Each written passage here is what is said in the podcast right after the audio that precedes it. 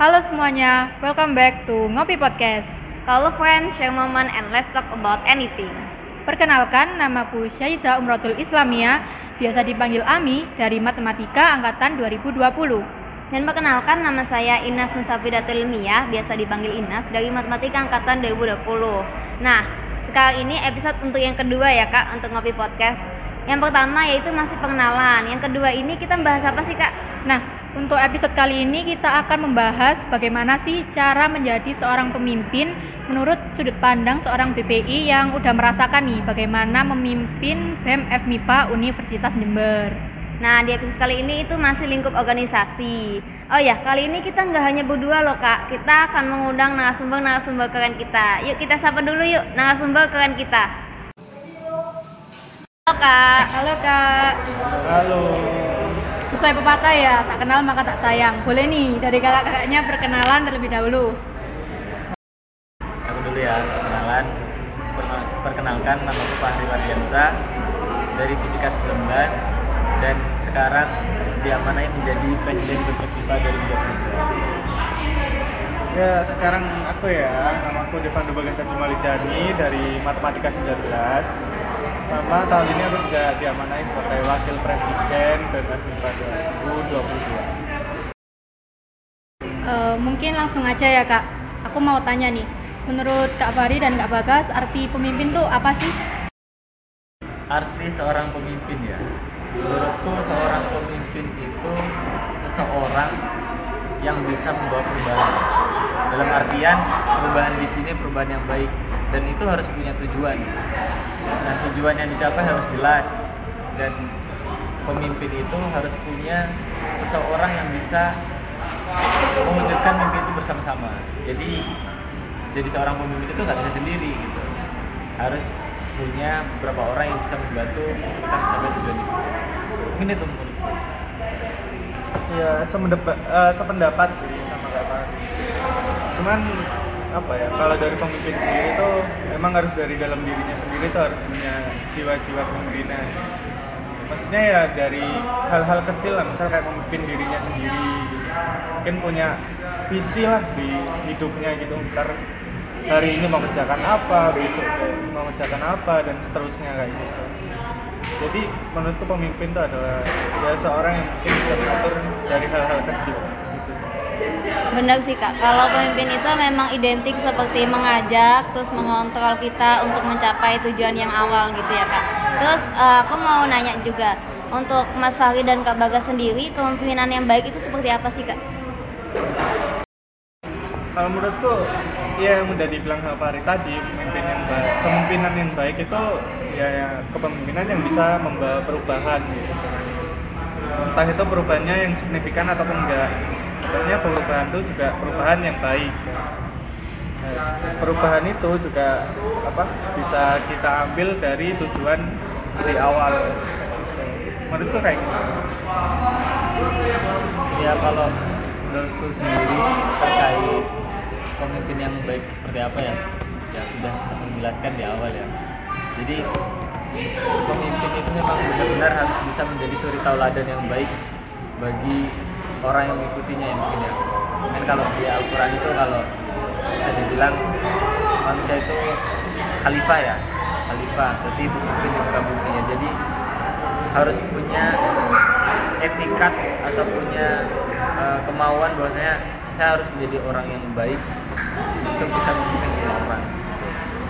Jadi pemimpin yang baik ya harus pemimpin yang bisa mencontohkan mulai dari hal-hal kecil yang sekiranya itu berguna dan bermanfaat bagi orang banyak. Setuju banget sih kak, kalau pemimpin emang harus bisa membawa perubahan dan bisa mengatur anggotanya untuk menjadi lebih baik.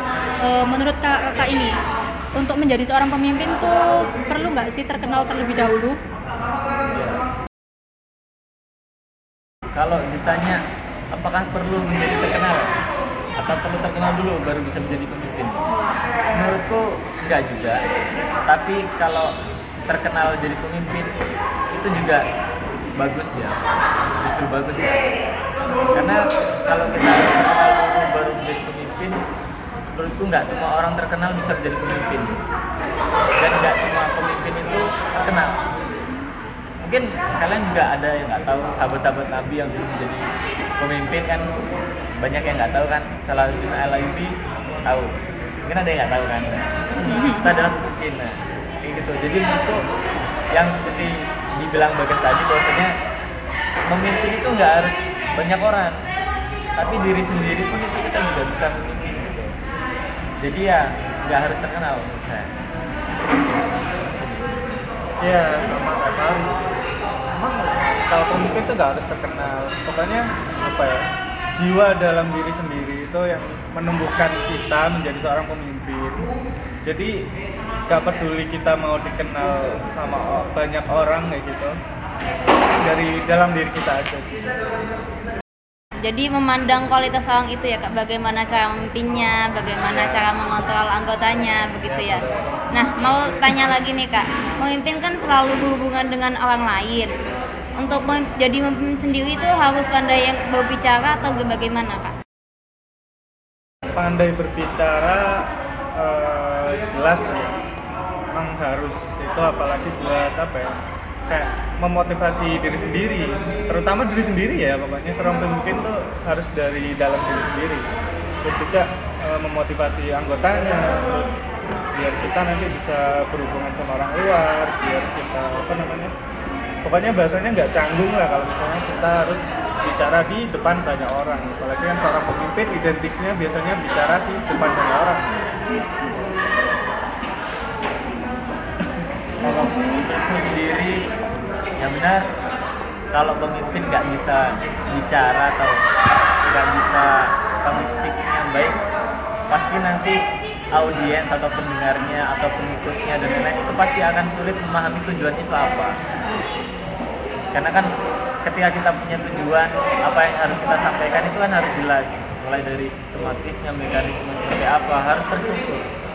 Kalau dari awal tidak bisa bicara atau menyampaikan eh, mekanisme yang harus kita tuju itu seperti apa akan itu amburadul. Jadi Setuju sih kak. tujuannya akan sulit tercapai. Menurutku juga pemimpin tuh paling nggak punya basic skill dalam berkomunikasi agar anggota-anggotanya nanti juga bisa enak berkomunikasinya seperti itu. Oh ya kak, mau tanya, untuk dalam suatu organisasi kenapa keberadaan seorang pemimpin tuh penting sih? Apakah kalau tidak ada pemimpin organisasinya tersebut tidak bisa berjalan? ya pasti kalau ditanya tidak berjalan ya pasti karena kalau dalam satu organisasi itu kan ada struktur koordi- koordinatornya ya struktur organisasi ya yang jelas yang paling atas itu pemimpin kenapa seperti itu? Ya balik lagi dari yang seperti aku bilang tadi bahwasanya harus punya tujuan awal dan harus ada orang yang mengkoordinir untuk kita bisa mencapai tujuan yang kita inginkan. Ya salah satunya pemimpin itu tadi. Kalau semisal dalam satu organisasi tidak ada pemimpin terus siapa yang mau mengkoordinir siapa yang mau mengajak? Siapa yang mau membangun untuk kita membawa perubahan ke tujuan itu tadi? Kan nggak ada. Jadi organisasi penting banget punya pemimpin Mungkin seperti itu. Semisal kalau nggak ada pemimpin, ya nanti kalau ada pemimpin lebih terstruktur gitu ya kak, lebih ya. terstruktur, terorganisir lagi gitu. Nah karena kak Bagas dan kak Fahri, kak Fahmi ini eh, sebagai pemimpin BFMIPA, dari kak Bagas sama kak Fahmi, kak Fahri ini itu memimpin BFMIPA ini sendiri ada ketakutan nggak sih kak? Ketakutan sih pasti ada ya. Apalagi ini BEM kan memang apa ya? Salah satu organisasi organisasi yang besar di salah satu ormawa kayak gitu kan. Jadi memimpin organisasi besar nih banyak ketakutannya kayak gimana sih nanti kalau misalnya di pertengahan eh, aku ternyata semangatnya menurun kayak gitu terus eh, nggak bisa ngajak teman-temanku lagi buat apa kerjakan sesuatu kayak gitu. terus apa lagi ya ya banyak lah ketakutannya. Cuman kalau dari aku sendiri buat ngatasi itu ya banyak banyak komunikasi di sana terus dari dalam diri aku sendiri ya juga meyakini diri aku sendiri. Pokoknya kalau misalnya apa yang sudah aku mulai ya aku harus selesaikan dengan yang terbaik lah. Gitu. Ya, kalau dari sudut pandang pribadi itu ya apakah ada ketakutan menjadi seorang pemimpin? Pasti ada. Mungkin salah satunya ketakutan yang aku alami saat ini ya kadang itu takut untuk menjadi Tambah contoh yang baik. Takut menjadi contoh yang baik. Maksudnya takut gagal gitu jadi contoh yang baik untuk semua orang karena bagaimanapun juga dari suatu organisasi mana pun yang dilihat pertama kali itu pemimpinnya. Itu pasti. Siapa pun yang salah yang dicari pemimpinnya. Nah makanya ketakutan ketakutan kayak takut menjadi orang yang baik takut menjadi orang yang gagal menjadi contoh. Itu ketakutan ketakutan ketakutan saat ini. Dan juga takut tidak bisa memberikan hal-hal yang baik untuk aku ya terutama kalau di BEM karena kalau aku nggak bisa mengayomi anggotaku nggak bisa memberikan kenyamanan ya organisasiku akan hancur. Mereka tidak akan nyaman dan mereka akan berpikir ini bukan pemimpin yang baik. Kalau untuk cara mengatasinya ya mungkin aku lebih banyak ini sih. Eh, bersyukur mungkin ya bersyukur sudah diamanahi jadi harus bisa bertanggung jawab dan mungkin sedikit menghilangkan rasa insecure nah, itu sih mungkin Jadi oh, udah ada solusinya sendiri gitu ya kak? ya Udah bisa mengatasinya gitu untuk mencegah biar kalau semisal terjadi jadi kita bisa mencegahnya terlebih dahulu gitu. Mungkin dari Kak Bagas dan Kak Fahri sendiri ini biasanya kalau mengambil keputusan itu mempertimbangkan apa aja sih kak? Kalau keputusan ya banyak. Kita um, apa ya yang pertama dari dalam BPI dulu sendiri ya. Kita biasanya kayak diskusi dulu. Misal ada misal apa ya suatu proker lah ada masalah gitu. Nih kita ambil enaknya gimana jalan tengahnya gimana. Nah itu kita diskusikan dulu sama BPI nah itu kalau misalnya setelah dari BPI ini mungkin kita ngomongin sama eh, kementerian yang punya proker. Jadi waktu kita ambil keputusan tuh nggak langsung aja kayak jebret ini terus langsung diomongin ke kementerian ini. Pokoknya harus kayak gini nggak kita diskusikan diskusikan dulu sama beberapa anak-anak. Kalau bagaimana cara mengambil keputusan ya? Tentu kalau mengam- mengambil keputusan itu kita harus tahu efek positif dan negatifnya. Kita harus tahu resikonya seperti apa.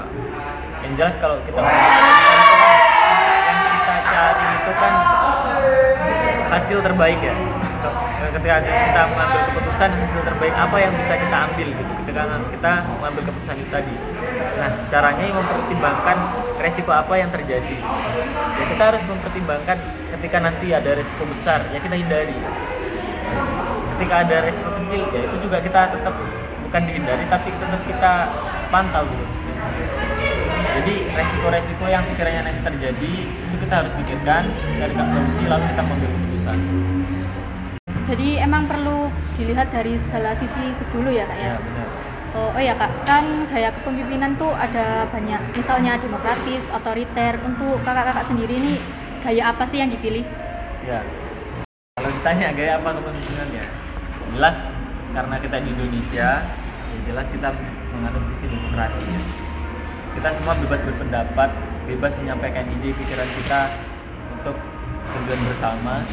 Jadi ya kalau saya sendiri itu ya jelas demokrasi.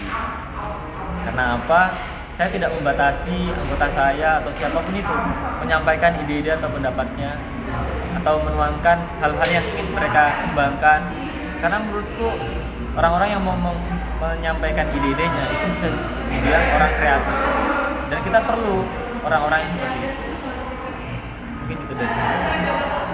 Bener sih. Jadi eh, dari Kak Fahri sendiri itu kan demokratis karena menganut eh, Indonesia sendiri. Terus menampung semua saran-saran dari anggota gitu kan, biar lebih baik lagi.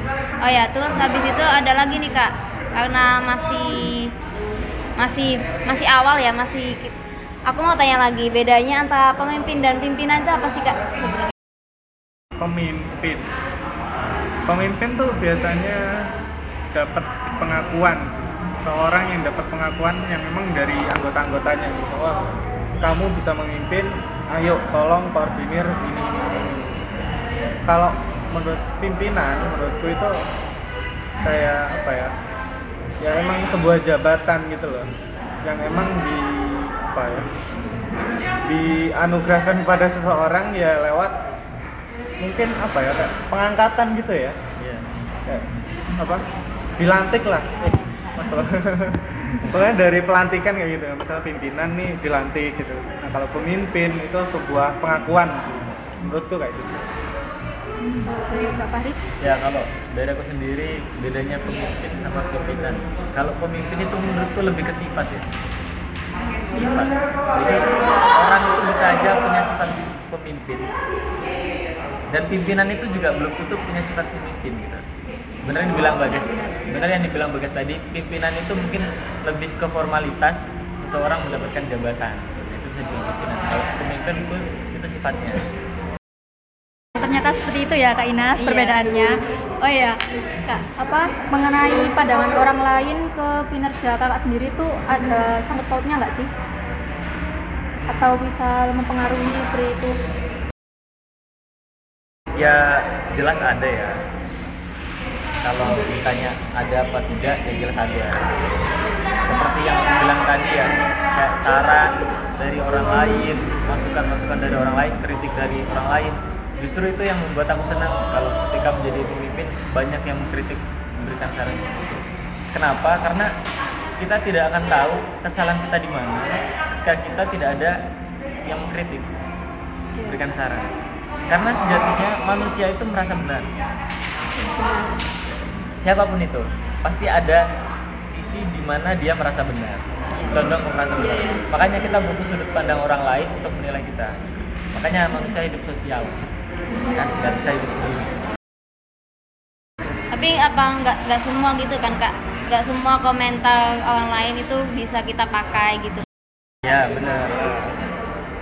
Karena eh, kalau kita mengambil semua komentar dari orang lain, eh, kritik dari orang lain dan kita mungkin ada kritik-kritik yang sekiranya itu justru membuat kita berantakan ya, ya itu nggak dipakai. Jadi harus pintar memfil- memfilter mana mana saran yang bisa membangun, mana yang mana yang tidak. Gitu. Dipilah-pilah dulu Nah, gitu benar. ya kak. Terus ada lagi nih kak tentang pemimpin yang keras dan ketat. Nah, menurut Kak Fahri dan Kak Bagas ini pemimpin tersebut itu masih bagus, baik apa gimana? Yang pemimpin keras dan ketat itu? keras dan ketat ya Ketat ini gimana? Ketat ini mungkin Mungkin dari peraturannya gitu. iya sisi peraturan. ya. ya itu mungkin bisa dilihat dari kondisi. Kalau emang apa ya kondisinya membutuhkan seorang pemimpin, pemimpin itu harus keras terus ketat dan lain-lain tuh ya eh, tergantung dari kondisi yang dia pimpin daerah yang dia pimpin. Misal eh, ter- daerah ter- ini aku bilang di luar organisasi ya pemimpin-pemimpin negara atau mungkin daerah gitu ya mungkin daerah yang dia pimpin tuh merupakan daerah konflik kayak gitu. Nah di situ harus keras kayak gitu harus ketat kayak gitu. Peraturannya nggak mungkin eh, apa ya sefleksibel daerah-daerah yang aman-aman aja gitu. sama kayak ya kita masuk ke organisasi. Kalau misalnya di organisasi itu emang banyak terjadi konflik atau emang dari apa ya di internalnya organisasi sendiri itu lagi gak bagus ya mungkin ada saatnya pemimpin itu harus keras dan ketat jadi tergantung dilihat dari kondisinya aja tapi menurutku kalau misalnya eh, kondisinya lagi baik-baik aja dan apa emang semuanya lagi kondusif menurutku kalau pemimpin tuh masih bersikap keras dan ketat ya masih kurang bagus Benar sih setuju sih kami. Iya, benar. Kalau Kak Fahri ada tanggapan? Ya, terkait pemimpin keras dan ketat ya. Ya, ya benar kata Bagas, ini sebenarnya bisa kondisional. Melihat kondisi yang ada seperti apa. Ya nggak mungkin ketika ada yang dibilang tadi daerah-daerah konflik kita mimpinnya santai dan lain-lain padahal dunia konflik itu kan kejam jadi harus punya sifat disiplin yang ketat gitu itu penting tapi menurutku kalau apakah harus pemimpin yang keras dan ketat itu bagus? Itu tergantung eh, orangnya ya. Karena setiap orang itu punya gaya kepemimpinan yang berbeda. Contoh aku punya gaya kepemimpinan yang tadi aku bilang demokratis. Atau mungkin eh, aku lebih santai. Mungkin Bagas punya gaya kepemimpinan yang lain. Atau mungkin eh, Bagas lebih keras lebih eh, tegas dan lain-lain. Sebenarnya kita nggak bisa menyamakan persepsi orang oh gaya kepemimpinan itu harus seperti ini seperti ini. Seperti ini menurutku itu enggak. Karena eh, ketika kita berfokus pada satu sifat ya tadi kayak per- harus tegas. Ya susah gitu. Karena nggak semua orang bisa dikerasi Iya. kadang ada orang yang nggak bisa diajak santai. Jadi kondisional ya. jadi dibilang baik atau enggak ya itu tergantung kondisinya Jadi emang tergantung orang dan tempatnya ya kak ya. Iya. Eh, nah Kak, kan ada nih sebenarnya orang-orang yang mau jadi pemimpin tapi mereka tuh masih ragu gitu. Kira-kira dari kakak-kakak ini ada saran nggak sih untuk orang-orang yang masih ragu seperti itu? ya ketika ada seorang yang mau jadi pemimpin tapi masih ada keraguan ya saranku ya itu tadi kayak solusi yang aku biasa terapkan ya hilangkan insecure.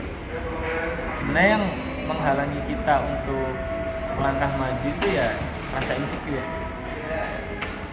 Karena rasa insecure itu menurutku apa ya? Membunuh diri sendiri gitu. Karena kita kurang bersyukur kan? Iya. Nah, kalau kita sudah bisa memahami kondisi sendiri, bisa bersyukur dengan apa yang sudah ada di diri kita, ya perlu kita kembangin gitu. Dan dengan kita mengembangkan hal-hal yang mungkin kita punya, mungkin lambat eh, perlahan-perlahan itu rasa keraguan ketika ingin menjadi pemimpin, insya Allah hilang. Mungkin. Dari Kak Bagas sendiri bagaimana? ya benar yang diucapin Pak Ari tadi kita harus apa ya, hilangin rasa-rasa yang membuat kita malah jadi minder kayak gitu terus apa ya selama ada kesempatan dan kamu merasa mampu ambil aja. Maksudnya kamu tuh apa ya diamanai sebagai seorang pemimpin gitu. Tapi sebelum itu ternyata kamu takut gitu loh gimana nih kalau misalnya nanti kayak gini kayak gini kan. Nah, itu selama ada kesempatan dan kamu merasa mampu ambil aja Jangan sampai terlewatkan gitu ya ya. betul kesempatan nggak datang dua kali kan Iya, dan ada sih kesempatan yang datang dua kali cuman eh, peluangnya itu nggak nggak sama sama feelnya yang dirasain tuh nanti beda Ya bener banget kak. Wah kerasa kak Inas ya kita udah ngobrol-ngobrol cukup, cukup lama. Eh, mungkin bisa kita sudahi dulu. Terima kasih Kak Fari dan Kak Bagas atas waktunya. Terima kasih. Iya terima kasih Ngomong-ngomong nih Kak, aku jadi lebih paham nih terkait kepemimpinan dari penjelasan-penjelasan narasumber keren kita tadi. Bener banget kak. Ternyata pemimpin itu seperti itu ya kak. Dari pertanyaan-pertanyaan dan jawaban-jawaban yang sudah dijawab tadi, kita jadi tahu nih kalau jadi pemimpin tuh nggak boleh asal-asalan. Kita juga harus tahu bagaimana cara untuk mengatur organisasi berjalan ke depannya. Nah, bener banget nih kami. Oh ya, aku mau ngasih info nih sebelum podcast ini ditutup. Untuk teman-teman yang masih kepo tentang kepemimpinan, kalian bisa langsung kunjungi description box di bawah. Di sana kita memberikan link-link seputar kepemimpinan. Kalian bisa baca-baca terlebih dahulu. Mungkin cukup dulu ya Kak Ami episode kali ini. Sampai jumpa di episode selanjutnya Ngawi Podcast. Call a friend, share moment, and let's talk about anything.